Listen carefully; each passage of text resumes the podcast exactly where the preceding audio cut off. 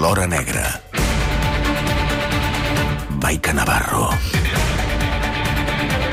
Dos minuts per arribar a tres quarts de dotze del migdia, avui més tard que mai, eh, per horari del programa. Maica Navarro, bon dia, bona hora. Què tal? Bon dia. Bon Respira, agafa aire. Vingut corrent, no? Vingut corrent. Ah, no? No tinc per què Va, parlar de la jo, meva vida. jo porto... No, no, jo, has vingut corrent. No tinc per què parlar de la meva privada. No, no és la teva vida privada, és la meva vida pública, perquè uh, jo fa 15... Ah, qui- que estic estirant el xiclet del... del... 35, 40, bueno, és que, escolta'm, és que 15, cada dia arribes més tard. Sí, Cada dia arribes més tard, Maica. No pot ser. Doncs busca't un altre. No, no, no. Ah. Perquè no, home, no. Això Però és un que- pack. Ah, o sigui, és, si jo compro el pack Maica Navarro és que és, he de patir sempre... Sempre arribo. Sí, bueno, tard. O sigui, No, no és veritat. estat allargant anuncis aquí que no vegis. Bueno, escolta'm, truca a la meva mare, que t'explicarà que t'explicarà com el que li costava despertar-me. Ah, sí? Per què? Hòstia, la meva mare ho explica... Si patia tant i ara no pot entendre que amb 53 anys sigui igual que la nena que dormia en una habitació petita d'una llitera de Santa Coloma i que ella in, in, començava a despertar-me una hora abans perquè sabia que era una missió titànica m'ha arribat a tirar aigua, m'apa- m'apassigava, m'atirava dels I tu cabells. continuaves clapant? Bueno, és que no sé, sempre tinc un nou costum que no he corregit amb l'edat, una mica així, de fer-ho tot a últim moment, últim moment, últim moment. Sí, sí. Tampoc és una qüestió de, de voler dormir més, eh? Però dic, arribo, arribo, arribo, arribo, arribo, arribo, arribo, arribo, arribo. I, eh? I eh, que no puc explicar el temps que, amb el temps que he arribat. De... No, no, no, no ho no expliquis, puc no ho explicar expliquis. perquè Avui a l'Hora Negra, el Rambo de la Cerdanya. més o menys una Rambo de la ciutat. A veure, Rambo de la Cerdanya, que té nom, eh, és el Martí Cots Saleta. És un personatge del qual fa molts, molts, molts anys que a la Crònica Negra ens sentim a parlar. Però què passa? Que aquesta setmana, eh, o aquests últims dies, ha tornat a ser notícia. Mm. Eh, I més enllà d'aquest eh, sobrenom de Rambo de la Cerdanya, que es pot fer tota la conya que vulguis, és un home molt perillós i amb molts antecedents, no? és un home molt perillós. Jo recomano a la gent que es quedi amb ganes de, de la secció que recuperi les cròniques que durant el llarg de les últimes dècades ha fet la Tura Soler al, al punt diari perquè el, el coneix molt bé. I és cert que recentment va, em, em vam tornar a parlar d'ell perquè, bueno, té 52 anys, va néixer a Pic, és el nucli de Bellver de la Cerdanya, i et dic que és un vell conegut perquè porta des de que era menor delinquint i a més a més amb, amb molta violència, tot i que fa res, quatre setmanes, amb un dels últims judicis que, que va tenir, que s'havia suspès per l'agressivitat que va demostrar i el jutge va dir que no havia condicions de seguretat per celebrar el judici, quan es, torna, es va tornar a fer, eh, ell va assegurar, va demanar perdó i va dir que allà deixava, que estava cansat de ser dolent, de la violència i que es comprometia a portar-se bé.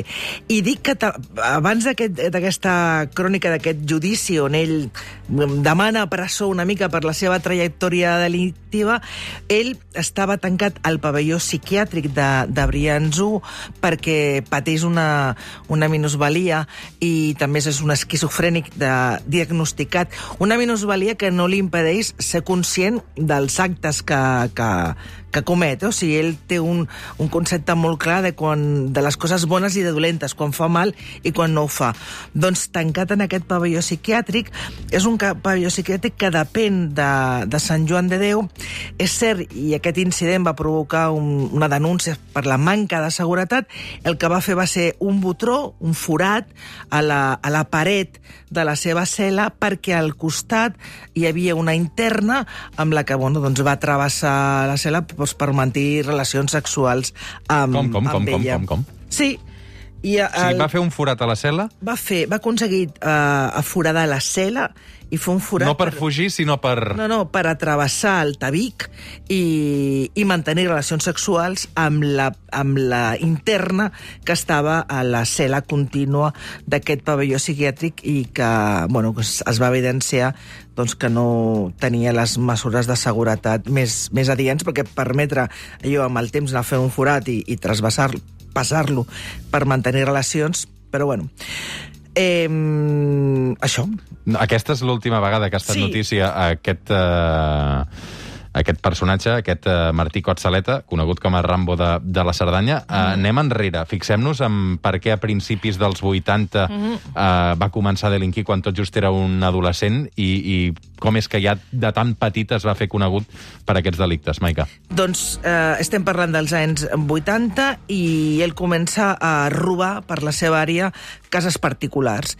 I de seguida doncs, va començar a acumular aquest llarg expedient policial, primer amb la, amb la Guàrdia Civil, amb el temps amb els, amb els Mossos, i en principi eren atracaments, era, al principi eren robatoris amb força vivendes, després ja armat van començar, van començar els atracaments i, després, i, i aquesta primera etapa delictiva el que va fer és que visités i estigués tancat en diferents centres de, de menors. Als 18 anys, eh, ja major d'edat, eh, atraca un, a un taxista i pensa que amb 20 i molt pocs eh, ja acumulava més d'una trentena de, de detencions amb un historial d'atracaments a sucursals ba bancàries.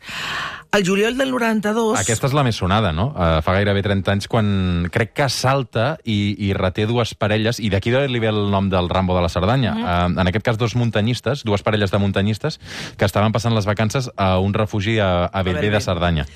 Doncs sí, de nit, el, el que ja després va ser conegut com el Rambo de la Cerdanya, un sobrenom que del, que, del que ell mateix s'atribueix i del que està orgullós, doncs va entrar al refugi, va amenaçar amb les dues dues parelles que estaven passant les vacances amb una escopeta, va amenaçar amb matar els homes i violar les dones, però imagina l'escena. Un dels homes aconsegueix fugir per la finestra i marxa a buscar ajuda. A cap d'una estona, una de les dones, que també d'aquestes dues parelles, agradeix el Martí i el aconsegueix eh, reduir golpejant-lo amb una bombona de, de gas. En el forceig, amb el forceig, una de les segrestades rep un tret i finalment tothom es pot alliberar i fugen del, del refugi. El Martí en aquell moment s'amaga al bosc on aconsegueix passar molt i molt i molt temps i és aquí quan se li posa el sobrenom de, de, de Rambo. Sí, perquè aquest uh, segrest i després uh, aquest moment en què ell s'amaga es va allargar moltíssim, perquè va costar molt tornar-lo a trobar, no? Eh, es, va, es, va, es va amagar moltíssim i, de fet, eh, va aconseguit fins i tot...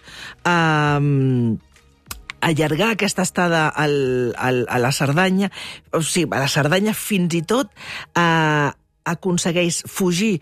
En aquell moment era la Guàrdia Civil qui, qui feia la, la, recerca, la recerca i roba un tractor i aconsegueix passar la frontera amb França amb el tractor robat.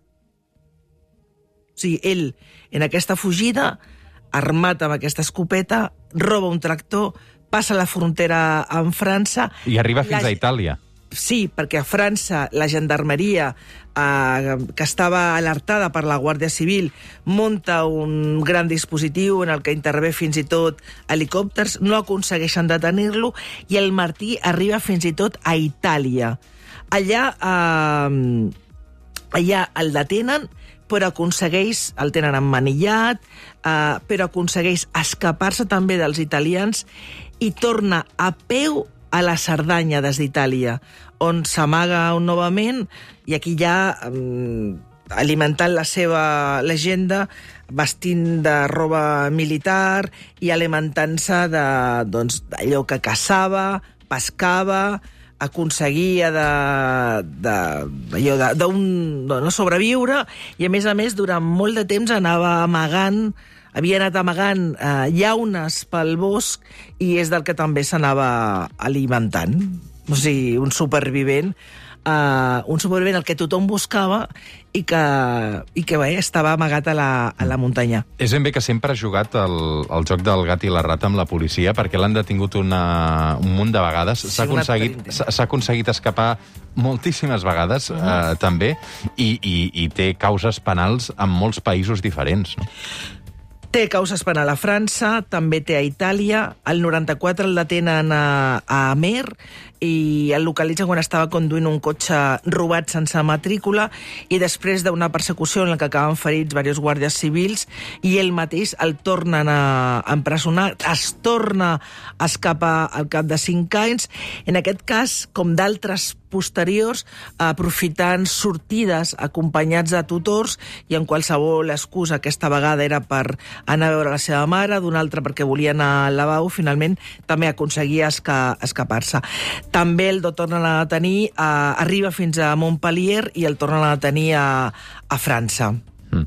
Doncs uh, aquesta és la història d'aquest uh, personatge, d'aquest uh, Rambo. Uh, una Rambo que, que fins i tot uh, ell assumia el paper de tal manera que una de les vegades que el detenen al setembre del 2001, uh, en el moment del judici, demana la paraula i crida uh, en el jutge dient-li que ell exigia parlar amb el president dels Estats Units perquè per demanar l'índol, perquè només ell era el Rambo i, per tant, com a personatge necessitava l'índol per part del president dels Estats Units. Entenc que continua a la presó ara, malgrat aquest incident, no? Està a la, està a la presó i et deia que va protagonitzar brillants aquest incident amb la, travessant la, aquest succés, aquest delicte, travessant... El que no sabia és que, és que el els, els reclusos estan uh, um, paret en paret, homes i dones. Em pensava que estaven en mòduls diferents. Però, és un, eh, però aquest és el mòdul de, de penitents, de psiquiàtric. Psiquiatria, I a psiquiatria sí que estan... Hi ha una barreja, sí que estan... I a més a més, insisteixo, tampoc són les cel·les convencionals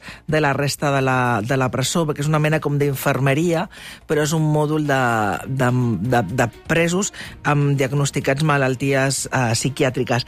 Ja et dic, aquest va ser l'últim incident, però fa, re, fa tres o quatre setmanes es celebra aquest judici que s'havia quedat, que havia quedat ajornat per un atracament a, un hotel d'Alp, també a la Cerdanya, i el que va fer va ser, eh, amb una actitud gairebé irreconeixible, que va dir és que demanava perdó a tothom, que estava esgotat de fugir, que estava esgotat de, de, de, protagonitzar incidents violents i que es comprometia a, bueno, a, a mantenir una bona conducta.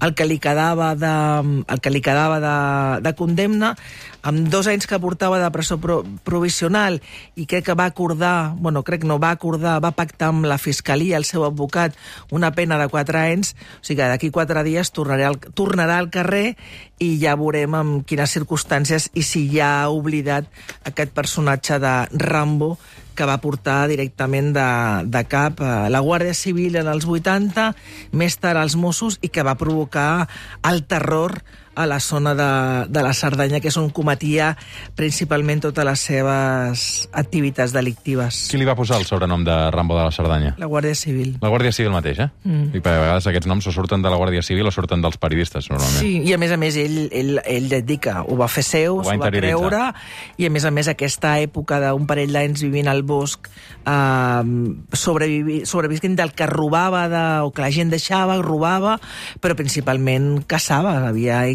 doncs havia mm, desenvolupat unes grans habilitats per sobreviure al mig, de, al mig del bosc.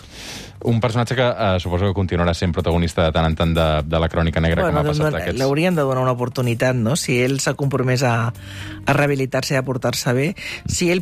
Aquesta esquizofrènia, doncs, com d'altres que estan diagnosticats, si tu portes la medicació en regla, doncs no té per què portar-te inconvenients. I la minusvalia tampoc li impedeix, doncs, eh, allò, ser conscient d'allò dolent que, que pot arribar a fer i del mal que, que provoca. Tres minuts per arribar a les 12 del migdia. Maica Navarro, moltíssimes uh, gràcies. Doncs res, aquí estarem la setmana que ve també. Si sí, estic, intentarem no sé... recuperar el teu horari habitual, que és les 10 del matí dins del suplement. Uh, el que passa és que, que veurem impliqui... com va. Sí, sí, veurem sí, com va. Esperem que això impliqui que la guerra ha finalitzat i que per això tu podem tornar a recuperar... Ja ho veurem perquè fa una estona Manuel Macron ha dit que la cosa va per llarg. Va per llarg. Ha dit no? això. El guanyador de les bambes Múnich que hem sortejat avui al comunista és el Xus Rodríguez. Ha estat el més ràpid d'endevinar que avui el personatge misteriós era l'exdelegada del govern espanyol a Catalunya, Teresa Conillera. Farem una petita pausa. De seguida ens actualitzarem amb les notícies